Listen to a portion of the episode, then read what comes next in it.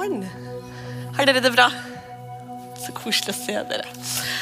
Da er det jeg som får lov å tale til dere i dag. Jeg har spist så mye hvitløk denne uka fordi jeg bare nekter å um, overkomme noe mer forkjølelseshostetull. Og da spiser vi rå hvitløk, fordi det har vi testa ut i, i Kenya. At, uh, jeg, tror det, jeg tror det er forskjellige andre lender, kanskje utenom Norge, som vet at rå hvitløk er noe av det, det er veldig bra. Hvis det er ingenting annet som funker, knasker du rå hvitløksfedd på baktanna, og så drikker, hiver det ned. Det, det, hjelper på det meste. vet dere det? Ja, jeg har lest bøker. Jeg til husker I tredje klasse på barneskolen så hadde jeg en rapport om kraften i hvitløk. Det var også litt fordi jeg hadde ikke kommet på noe annet dagen før. Og mamma hadde en bok som heter The Healing Powers of Garlic. Så da var det det jeg hadde i tredje klasse. Det var superpopulært. Veldig sånn kul emne å ha på barneskolene. Men jeg lærte at hvitløk var faktisk verdt det. Så nå er det endelig smitta over til mine barn. fordi um, det er jo, liksom, Hvis det er noe hoste og sånt, og alle som jobber i barnehage og skole, hører jo sant, den, den tørre hosta som du føler varer for evig. Og nå er jo mine største barn er jo så store nå at de kan liksom tåle litt smerte med liksom framtidig flott resultat. Så jeg hørte, hørte, min flotte sønn som løper rundt konstant uten jakke, men blir faktisk nesten aldri syk. Også, men da endelig var det nok å hoste som har tatt. Og så hadde han prøvd hostesafter og det ene og det andre. Og så sa jeg til slutt jeg sa, Johannes, du vet hva som funker. Han bare så på meg sånn. Så du vet, jeg, jeg kan skrelle inn noen hvitløksvenn, så kan jeg spise litt hvitløk. og bare... Så går han og legger seg, og så gjør det konstant. Og så kommer han endelig ut bare Greit. Og da, da, da bare, I tilfelle dere prøver dette hjemme, midt i korona etter ja, bevirkningene, skulle jeg si. Ta en halv banan, så du har noe i magen først. Så ikke dere spyr og da skylder på meg. Så ha en halv banan i magen først. Dette er prekena mi. Etter det her er jeg ferdig. Ta en halv banan først, og så, ta, og så skrell noen hvitløksfedd. Og tygg bare kjempekjapt, fordi det svir som bare det i munnen. Svelg det ned, og så så la det bare virke. Men det funker! Det faktisk funker. Altså, han tok, tror han klarte to hvitløksfedd. så svelga han dem ned. Og så så han på meg, fordi nesten med en gang så ro og hosta seg ned. Så gikk han og sovna. Så Jesus og hvitløk har vi stor tro på i vårt hus. Jesus dekker jo alt, men hvitløk er også en bra hjelp. Tenk at det Gud har skapt smarte ting i naturen som er faktisk bra for oss, som er kjempeflott. Tenk, ikke sant? Skapte kaffebønner, det er jo en Guds gave fra himmelen. Hvitløk, sukker det er, det er, også naturlig. Det er jo også naturlig. Sukker er naturlig, ja. Men uh, det var ikke det jeg skulle snakke om i det hele tatt. Mm. Hvorfor begynte jeg å si det? Jo, jeg har spist masse hvitløk. Derfor går jeg og suger på Fisherman's Friend og sånne drops hele tiden.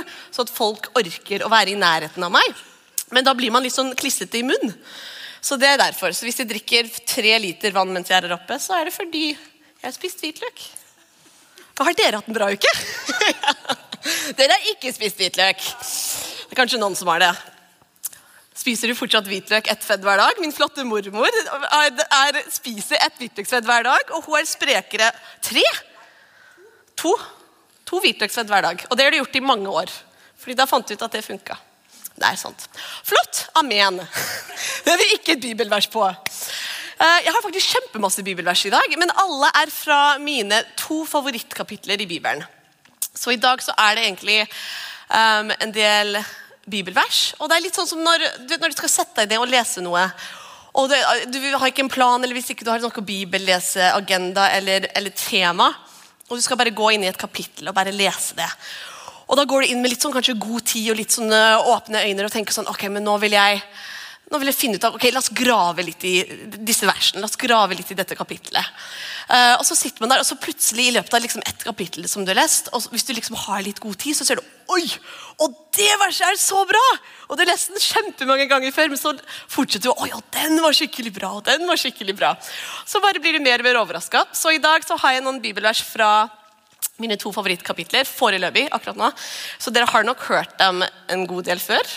Men det er Guds ord, så derfor har jeg ikke dårlig samvittighet at jeg tar det igjen. Fordi det er liv hver gang. Det er noe med det at det er jo Guds ord er jo levende. Det gir jo liv. Det er Et vers som du har lest fem millioner ganger i én sesong, leser du den i en ny sesong, så gir det deg en annen type mat og en annen type styrke uh, enn det du har hatt andre ganger. Så, um, så derfor skal vi lese en del vers. Men alt er litt sånn innafor tanken bare at hvor enn vi er, så er vi um, viktig og powerful. Hva er beste ordet? Kraftfull er det beste ordet vi har på norsk. For powerful. At du hvor enn, Mektig er det, riktig, er det det nærmeste vi kommer på norsk. At man, Hvor enn man er, så er du viktig, og så er du mektig. Jeg tror jeg sa kraftig en gang, men det blir kanskje feil bruk. Kraftig, mektig og kraftfull hvor enn du er. Sterk. Ja, det er liksom, Man trenger sånn fire norske ord av og til for å dekke et engelsk ord. Det er litt kjedelig. Derfor har jeg veldig mye, Alle mine bibelvers er på engelsk. Men derfor sier jeg at hvis du syns det er litt vanskelig å følge etter når jeg leser på engelsk, så få opp en mobil eller din egen bibel, og så kan du finne Efeserne 3 eh, og Johannes 15. Derfor alt kommer ut ifra de i dag. Så kan du lese selv og lese det på norsk.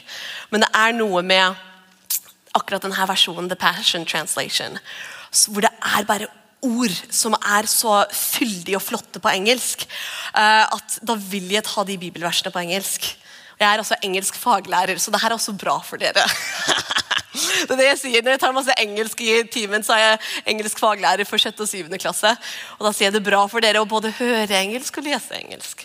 Og hvis det er noen ord som ikke man vet hva er, eh, strek det under i hodet ditt eller på ekte, og så tenk å finne ut ok, hva betyr det ordet. Det er en måte man kan studere Guds ord og tenke hva betyr egentlig det ordet.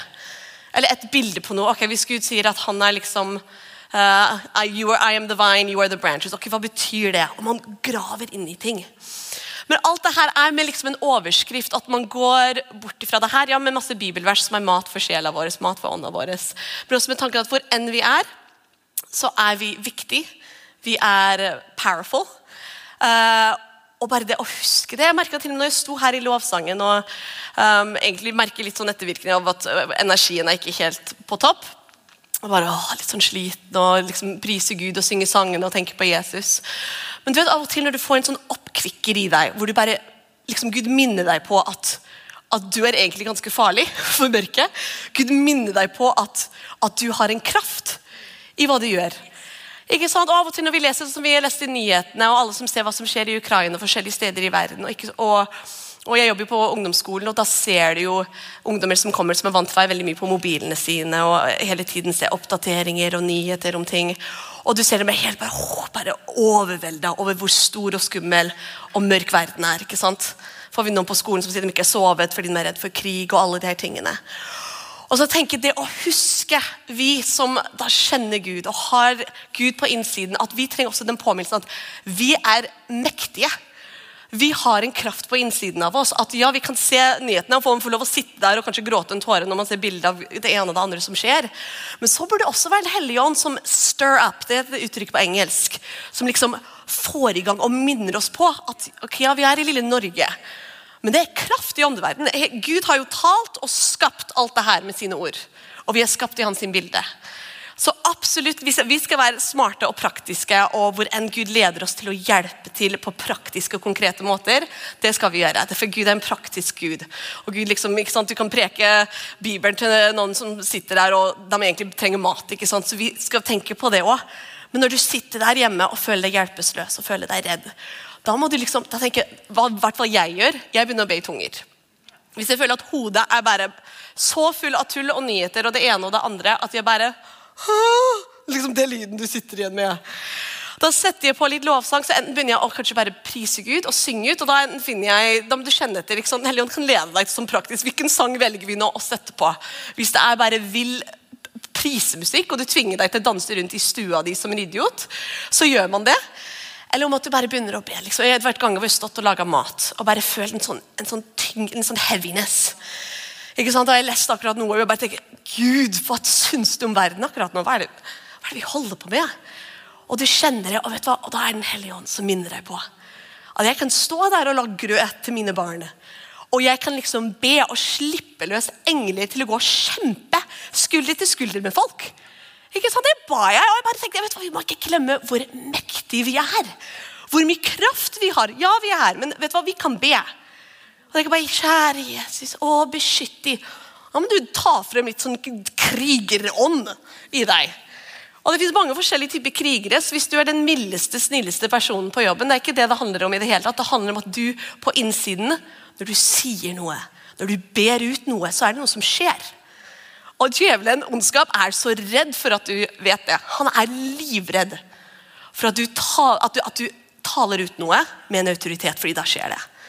Så da kommer det Nei, du, ikke sant, lille Norge. Nei, det hjelper. Tror du én bønn hjelper? Nei, se store, stygge ulven, og å, så fælt.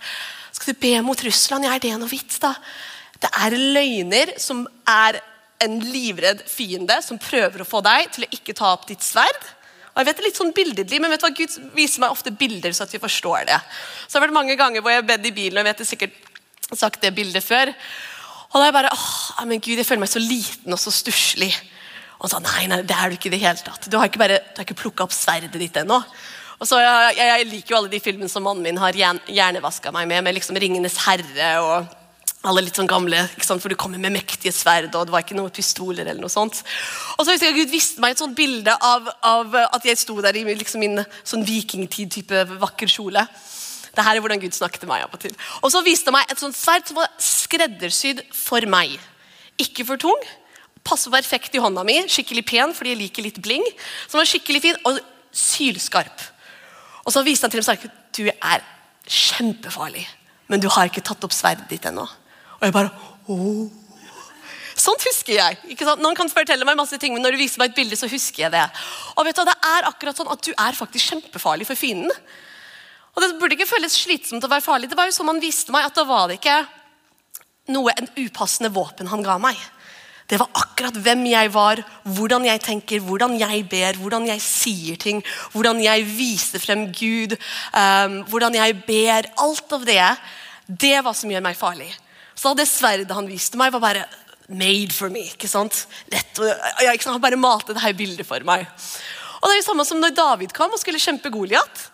Ikke sant? Og Da var det jo alle var livredd. Der står de og står og hørt på han her store, stygge fyren skrike alle de forskjellige måtene han skal drepe dem, og drepe barna deres og familien deres og vanære Gud. Så alle er kjemperedde. Og så kommer David, som har ikke hørt på dette tullet i mange mange dager. Han har brukt tid med Gud. Han har vært ute med sauene sine. Han. han har vært ute og passa på sauene. Tatt hver kamp som har kommet, sammen med Gud, fordi Gud ga han kraften til det. Så da kom en, kom en løve, da kom en bjørn, hva enn det var han drepte. Så kommer han ned dit og er helt overraska. Ser at liksom de står her og hører på alle de stygge tingene Goliat sier. Så, står dere og hører på det her? Og dere har ikke gjort noe? Liksom helt, Men de var jo i krigen. De sto der og bare og lot frykt komme mer inn, fordi de hørte mer på hva Goliat sa, enn på hva sannheten av at det her var jo Guds sitt folk, som skulle gi dem kraft til å kjempe. Da kommer lille gutten som har brukt tid med Gud, ut på åkeren. Kommer og skal levere matpakker, eller hva enn det var. Og da bare Han her, han her kan jo jeg ta! Han her kan jo jeg ta! Og så var det jo Saul og alle dem som var kjemperedde, som prøvde å tvinge på han da alt av liksom rustningen som, som, var kongen sin, jeg tror det var kanskje til og med Saul sin, og bare sa for Gud, liksom, lille gutt, la oss hjelpe deg i hvert fall litt, så ikke du blir altfor hakka opp. Liksom, la oss ta litt beskyttelsespå. Men det var tungt, fordi det var ikke han. Prøvde å tvinge på, liksom, Det var noen som tvang på ok, du må være sånn for å kjempe. Sånn må det se ut hvis du skal ta fienden. Sånn må det være. Ja, nei, Ta på deg den, du. Be, be på denne måten. Nei, du må stå sånn hvis det virkelig skal ha noe kraft. Og Han prøvde jo på, sikkert ut av respekt til Saul, og følte at det her er ikke hvem jeg er. det her er ikke, Og det her blir lagt på meg ut av frykt. Det her blir tvunget på meg fordi du ser på meg og tror at jeg kan ikke gjøre en forskjell. Og det vet jeg stemmer ikke. Fordi han hadde hørt mer på Gud. Så da tar han jo av det og bruker det lille han hadde, Han hans slingshot på norsk, slynge, og bruker det han har. Kommer som han er. Fordi han har hørt mer på Gud enn på hva nyheten hadde sagt. Han har hørt mer på Gud om hvem han er, enn hans familie hadde sagt. Han var jo lille rumpetrollet i familien. Han var jo sistemann. ikke sant? Lille fisen der. Når profeten kom, så prøvde de ikke engang å kalle på ham. Skal vi hente David? Nei, det er litt langt ut, altså.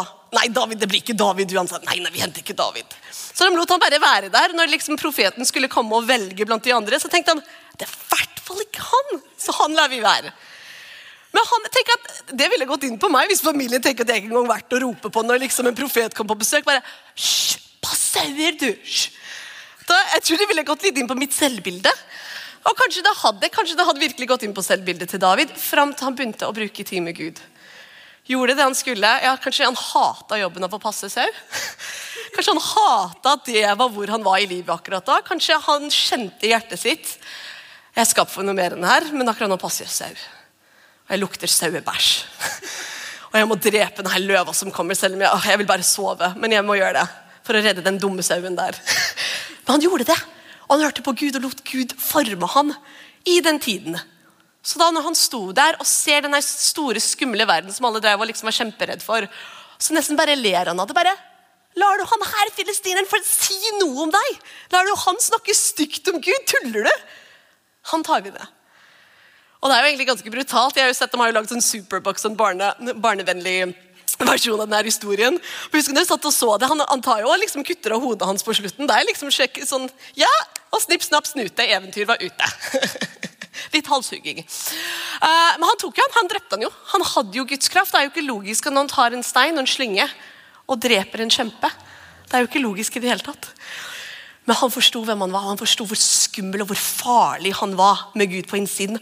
Akkurat som han var. Så ikke sant, det er jo, Jeg vet, jeg er jo vokst opp i kirken, så jeg husker det har vært mange sånn bønnemøter. Jeg husker Vi overnatta hos dem. vi hadde fantastiske etiopiske naboer. som var helt herlige. Så når mamma og pappa skulle reise litt, eh, ta noen turer som ikke vi orka å være med på, eller som vi kunne ikke være med på pga. skole, så bodde vi hos de. Og etiopiske kirken, å, de er herlige. Og de hadde bønnemøter på natta. Å, hele natta hadde de bønnemøter. Og Av og til så glemte de at vi var i huset og sov på det ene rommet. Så det skjedde sånn med jevn mellomrom at vi hadde en ivrig, fantastisk etioper som kom gående inn. Da rusla de rundt mens de drev og ba. da. Kommer inn og liksom hylber i tunger midt på natta, og så bare Å, sorry, sorry, sorry, sorry. Og så går han ut. Og vi bare, ja, ja.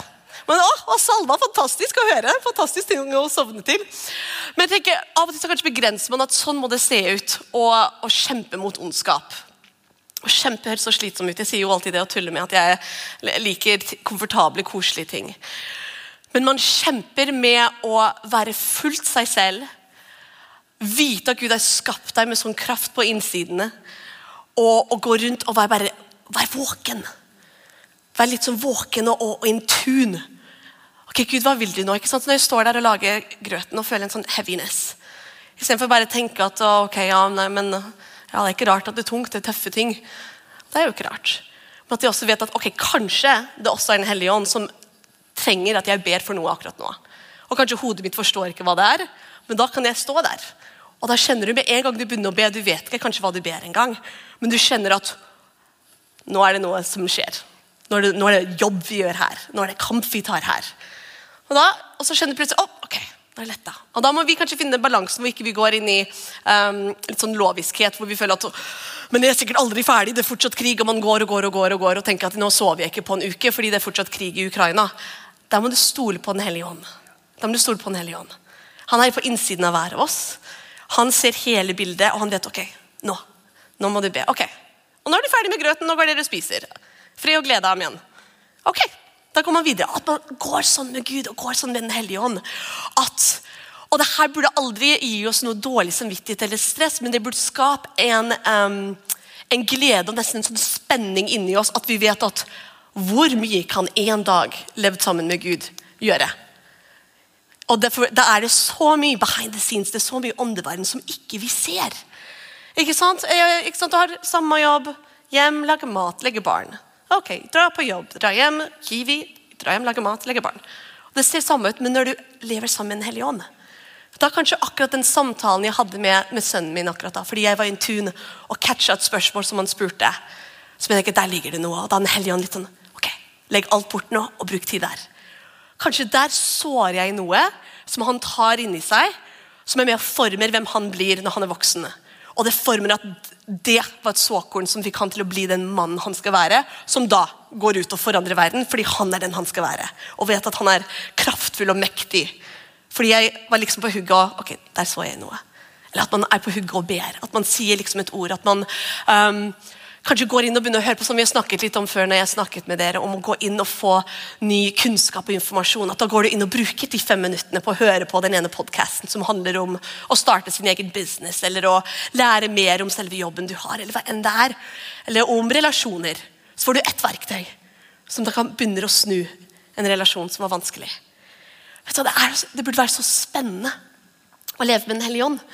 Men eh, jeg tror djevelen jobber overtid på også å prøve å spinne at alt som Gud sier, og alt Den hellige ånd hinter til, eh, kobler vi dårlig samvittighet med med en gang.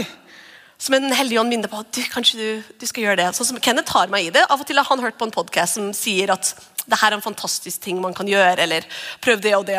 Og så istedenfor å tenke oi, så flott, ja, men da kan vi begynne å tenke litt på det. Så sitter du der og tenker å ja, det burde jeg tenkt på forrige uke. Eller å, det burde jeg gjort siden de var, når barna mine var Det burde jeg tenkt på. Det er bare dårlig samvittighet kobla til det med en gang. Og da er det null kraft i det. Vi må se strategisk lureplaner til djevelen når vi prøver å gjennomskue. Fordi da har det ingen makt lenger. Når vi ser ok, det er ikke bare at å ja, ok, jeg har dårlig samvittighet for ting. Nei, hvis det resultatet at jeg sitter og har dårlig samvittighet for at ikke jeg visste bedre, at jeg ikke visste det jeg hadde lært ennå, fem år tilbake. Hvis det å sitte og ha dårlig samvittighet for det, hvis frukten av den dårlige samvittigheten er bare at jeg har null kraft og prøver å begynne med det dagen etter, det er ikke den noe bra. Å ha dårlig samvittighet for noe, og, da, og det liksom skaper frukt at jeg hva, jeg er lei meg. Da skal vi slutte å gjøre det. Da skal jeg slutte å si de tingene hvis du sier at du blir såra når jeg snakker sånn. Da skal jeg stoppe. Bra! Men da er den ferdig.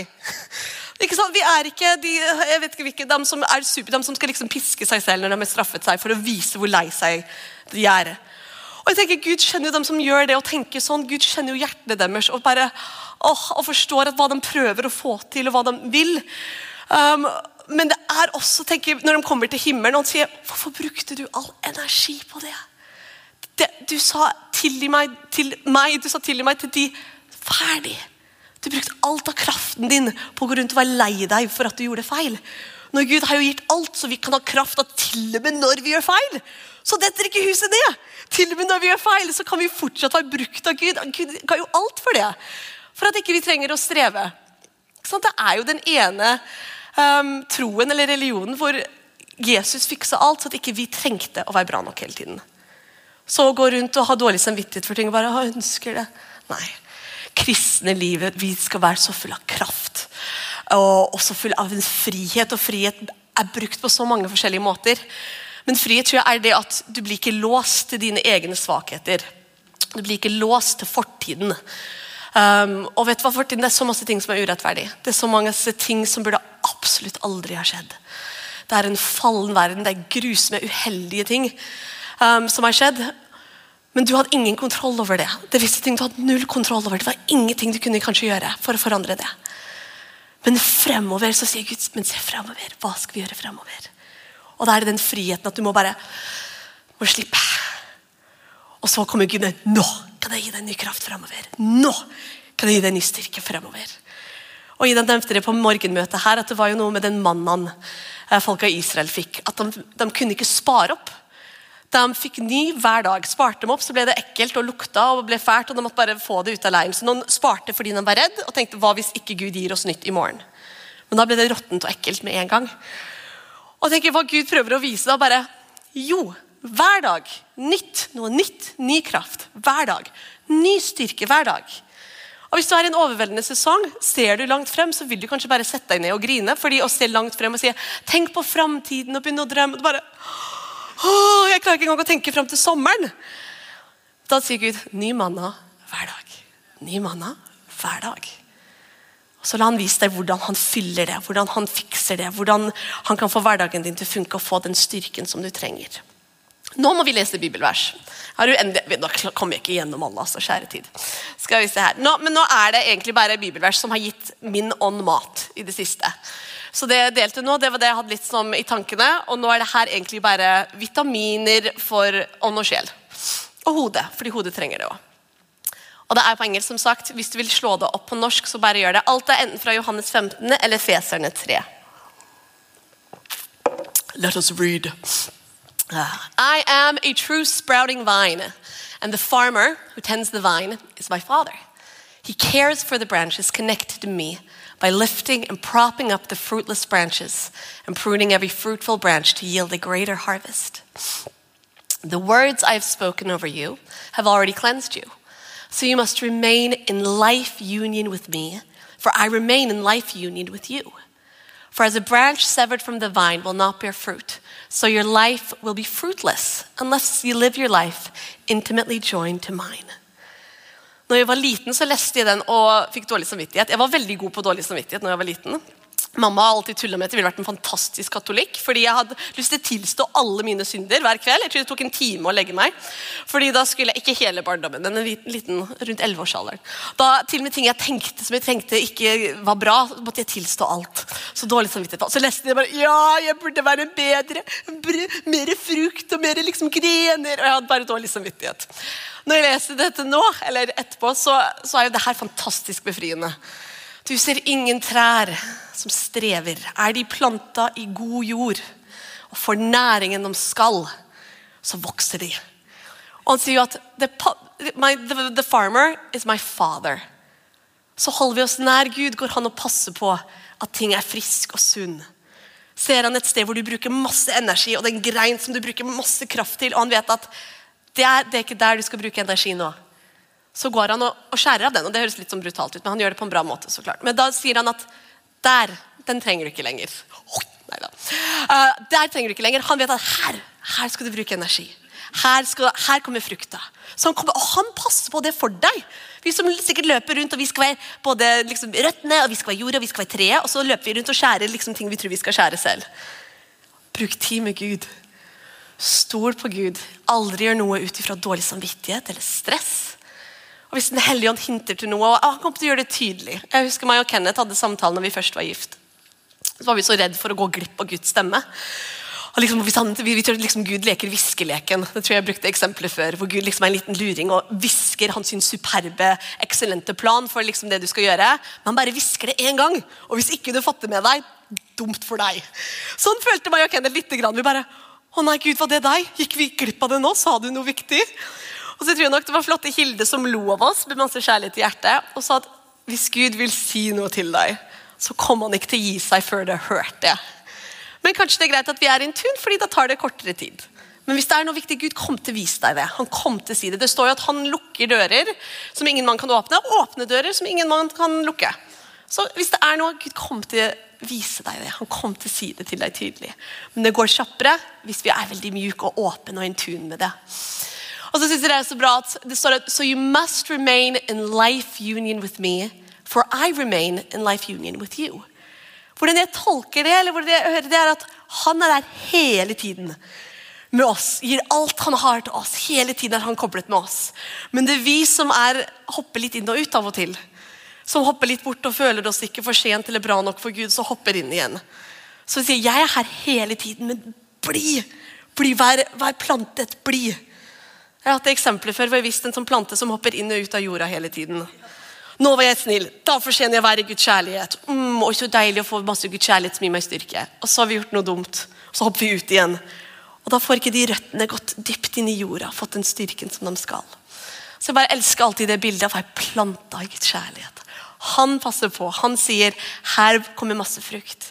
Bli hos meg her. Ok, den, Der er det feil bruk av energi.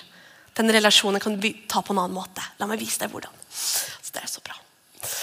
Så bra. Alright, det er Efeserne. Vi hopper litt rundt. Nå har jeg glemt å følge med på når jeg starta å preke. Er det noen som hadde oversikten når jeg kom opp? Plutselig vi holdt på en og en halv time seinere. Nei. Noen vers til, så er vi snart ferdig. Uh, Efeserne 3, 7-8. I have been made a messenger of this wonderful news by the gift of grace that works through me. Even though I am the least significant of all his holy believers, this grace gift was imparted when the manifestation of his power came upon me. Grace alone empowers me so that I can boldly preach this wonderful message to non Jewish people, sharing with them the unfading, inexhaustible riches of Christ, which are beyond comprehension. For snakke om nåde. nåde altså, det er ikke jeg som får til noe bra her. Det er at jeg har fått kraft, jeg har fått Guds nåde til å gjøre det her. Det jeg elsker å gjøre, det jeg gjør noe som betyr noe. Jeg har fått kraft fra Gud til å gjøre det. Av og til når jeg og Kenneth først begynte å skulle preke og var oppe på denne scenen og, og var supernervøs, fordi alt som er nytt, er alltid litt spennende og litt nervevrakende. Men da husker vi sto der og, og jeg husker jeg sto der i lovsangen, og da hadde jeg egentlig grudd meg en hel uke å komme opp på scenen og snakke til de voksne. Jeg var vant til å snakke til de små. Så var det voksne. Og da bare husker jeg at jeg bare tenkte ja, men Gud, jeg gjør det her fordi jeg tror at du vil jeg skal gjøre det her. Jeg gjør det her fordi jeg tror det er noe av det jeg skal gjøre. Og hvis det er ikke det du vil jeg skal gjøre, da gjør jeg det ikke. Jeg har ingen, jeg har ingen agenda å være her oppe. Jeg har ingen spesiell plan. Jeg gjør det fordi jeg tror det er det Gud vil. En av tingene Gud vil jeg skal gjøre. Og når du har det hjertet, så har man ingenting å bevise. I have nothing to prove. Og du bare vet at Gud, hvis du sier jeg skal gjøre det, så må du også gi meg kraften til å gjøre det. Sier du at jeg skal gjøre det, så må jeg stole på at det er en mening og en, en resultat for at jeg gjør det. At, at, du sier jeg skal bruke tiden min på det, så stoler jeg på at det er en grunn for det. Hvis jeg ser det eller ikke, det er irrelevant. Jeg stoler på Gud. Da gjør jeg det. Og da må du gi meg kraften til å gjøre dette. Fordi det er du som sa jeg skulle gjøre det. Så det er veldig greit. Så sier at det er Guds nåde. I Feserne 3,12 We have boldness through him and free access as kings before the Father because of our complete confidence in Christ's faithfulness. Jeg synes det var så billig. We have free access as kings. Det er så mange forskjellige bilder av oss og Gud. Ikke sant? Du har, Jesus sier vi er, vi er bestevenner. Du har far- og barn-relasjon. Du har alle de her, Det er jo til å beskrive liksom, a lover and his beloved. Ikke sant? Det er så mange forskjellige bilder.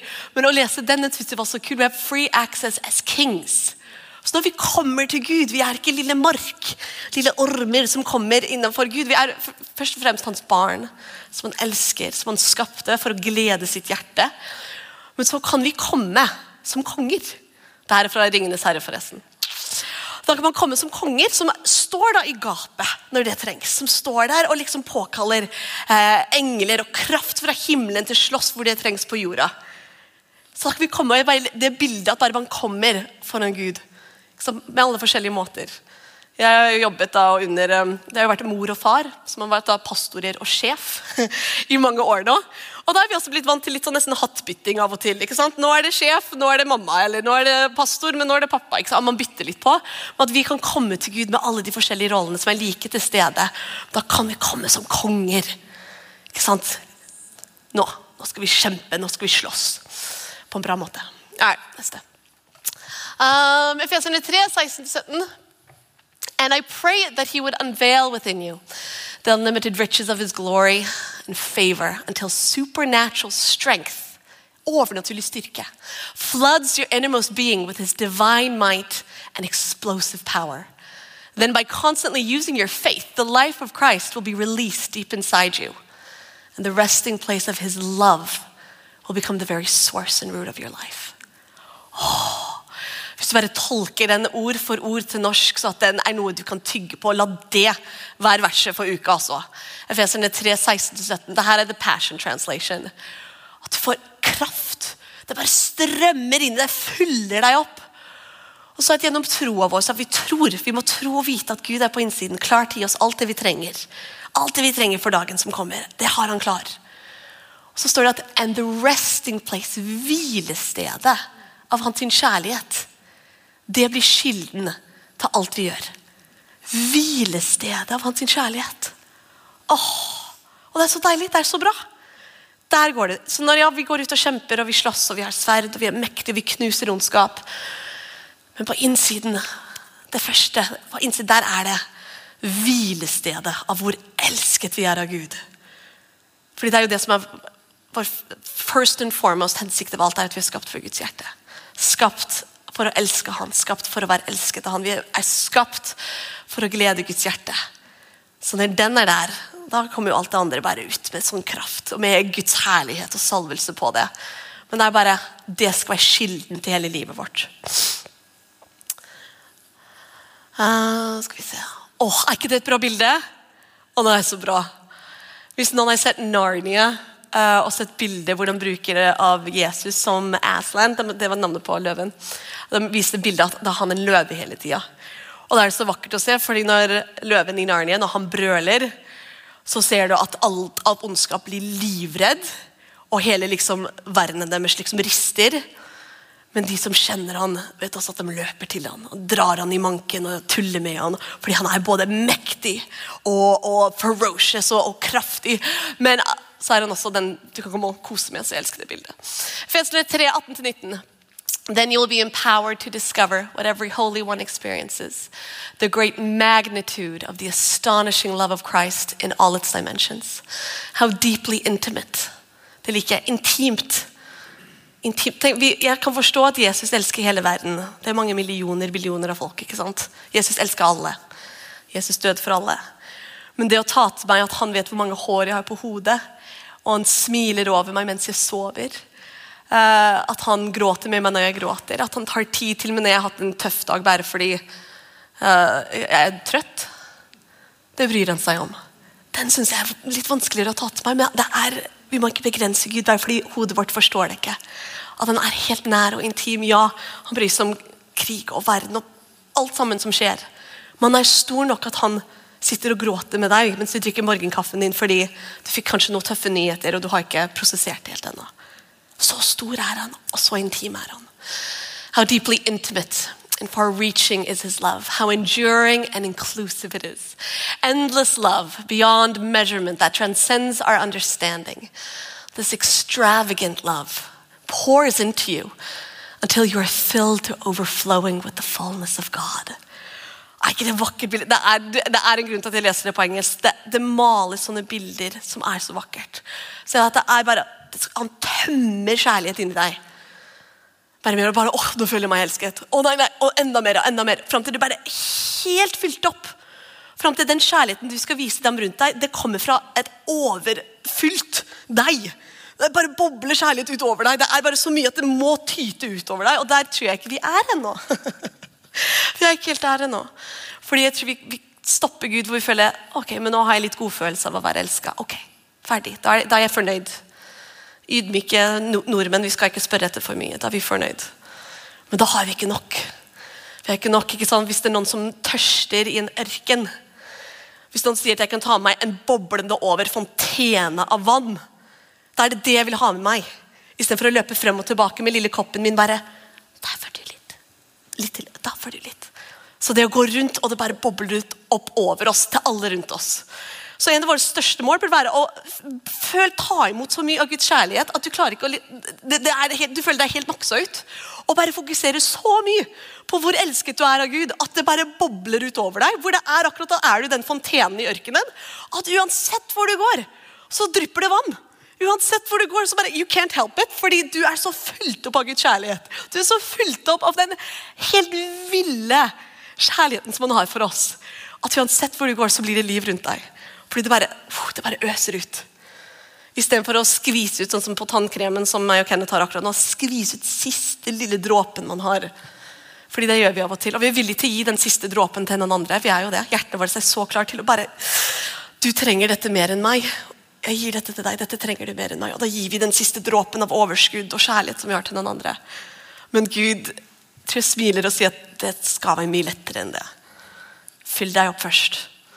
Ja, bare fortsett å gi, men mens du er ute og gir og tar hånden det du må gjøre, så kan jeg fylle deg opp og skjønne oi, det her blir jo lettere og lettere. Det her er jo ikke vanskeligere. Og som Ida sier, når du da kanskje, Gud sier at du skal åpne opp og strekke deg kanskje litt og se om du skal ha med noe nytt inn i livet ditt, og det er litt stretch å, det kanskje, du føler, å, jeg føler meg litt maksa ut fra før. Men plutselig har det, siden du driver og fokuserer på å la Gud fylle deg opp med hvor mye han elsker deg, plutselig er ikke det så vanskelig lenger. Plutselig er det, å, plutselig er det rom for det. Plutselig var det lettere enn du trodde. Jeg tror Sånn skal det være. Lovsangere, da kan dere komme opp til deg straks ferdig. Jeg måtte bare ha med de bildene også. Jeg synes Det viser litt de forskjellige rollene på en måte. Det bildet hvor han ene sitter og spiller piano, den har jeg jo tatt frem før når jeg nevnte at uh, Gud har jo skapt deg med gaver og talenter og en personlighet som kanskje han er ikke skapt for noe annen hensikt enn bare det gleder hans sitt hjerte at du gjør det.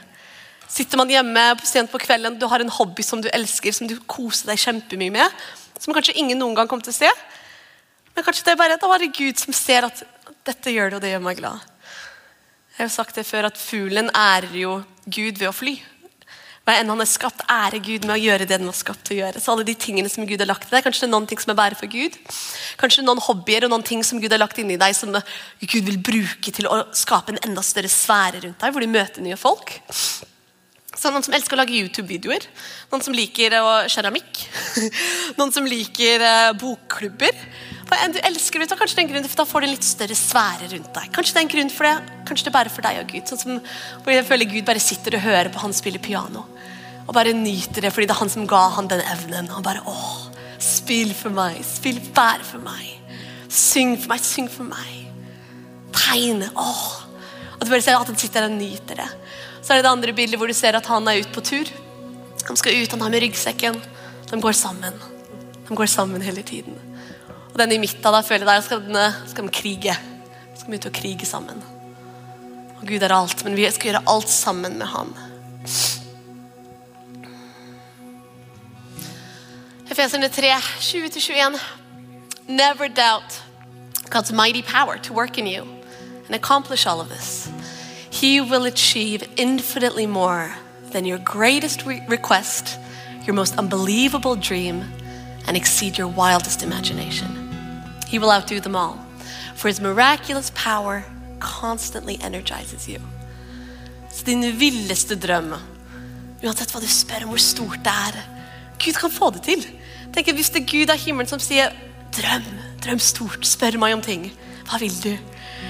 Og vi, det er sånn som Hvis du, du spurte meg nå, så vet jeg ikke hva jeg ville svart. Fordi jeg har vært så opptatt bare med å få hverdagen til å funke så bra som mulig. Og det tror jeg vi alle kjenner oss litt igjen i.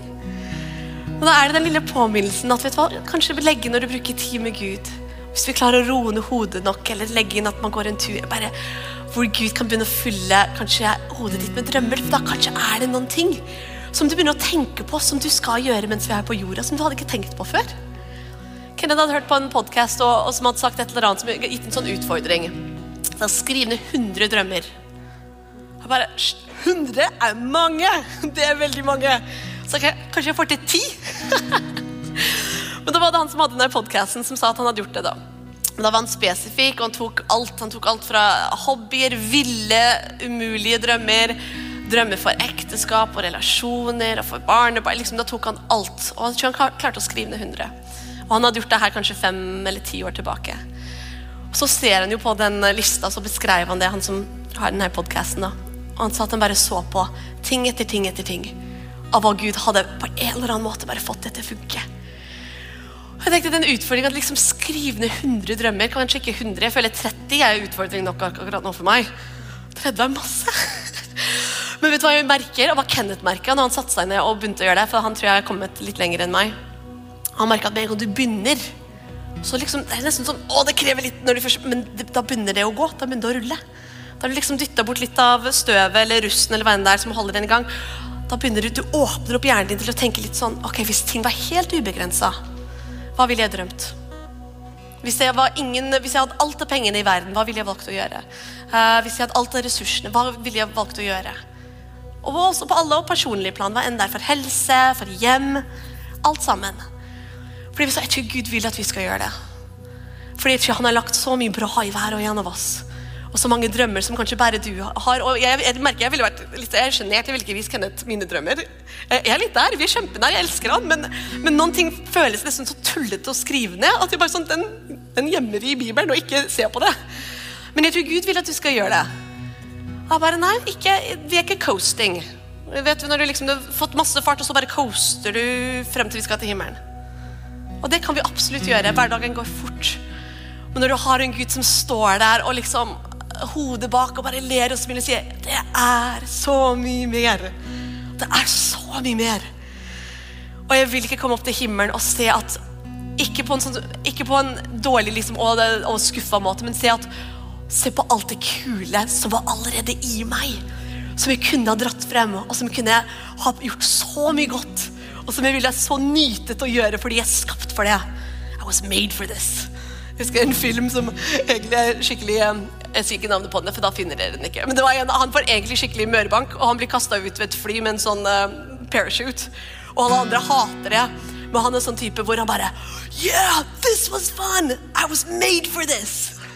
Men følger uansett det livet vi har, drømmer vi stort og følger Guds ledelse, så burde du ha den type Ja, det her var jeg skapt for.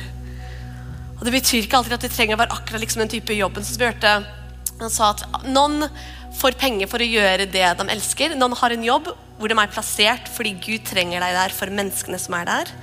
Og så er kanskje det du, kanskje det du elsker og brenner av liksom hobby eller ting, er kanskje noe du gjør ved siden av. Men Gud vet hvor enn du er plassert, så er du viktig. Og dette bildet vet jeg at det er um, jeg tror det er noen kirker som har dette, eller noen sånne bilder som deres sånn, uh, jeg vet ikke mot, men de har det som en, av reklamene deres.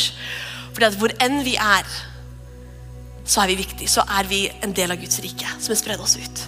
Så hvor du er, du er et sted hvor ikke jeg er. Og hvor du er, er Guds rike. Hvor enn du er, er Guds nærvær. Hvor enn du er, er Guds kraft. Og Det betyr ikke at du løper rundt med liksom sånn Å, her er bibelen min. Ikke sånn. Det er bare hvem du er på innsiden. Er gjennom at man vet at jeg er kraftfull, jeg er mektig.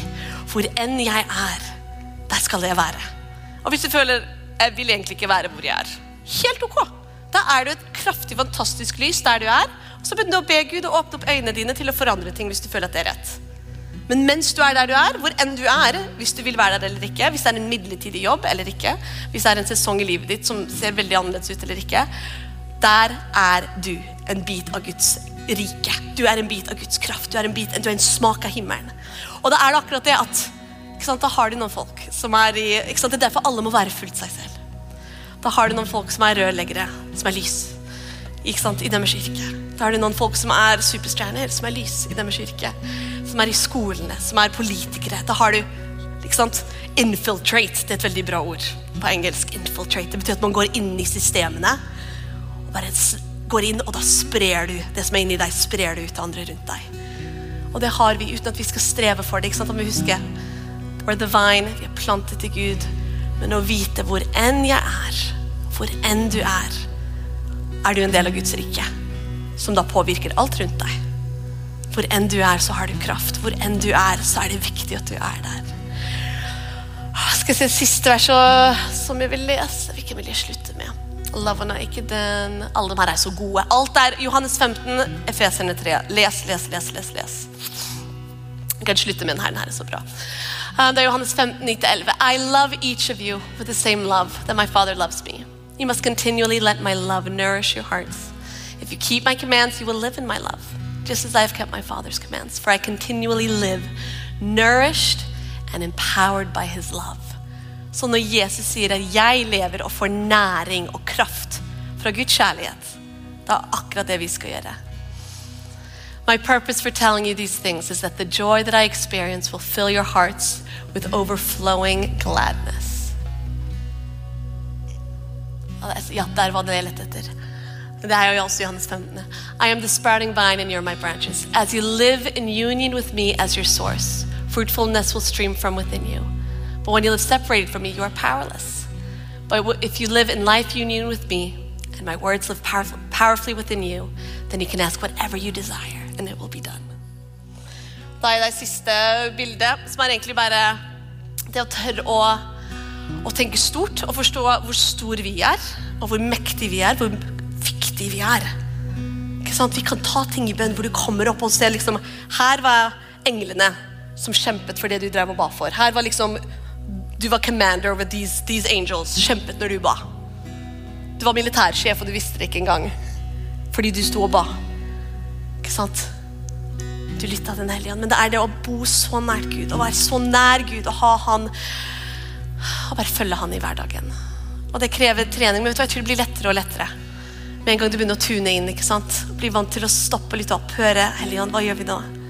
Ok, Ingenting? Da gjør vi det jeg tenker er riktig nå.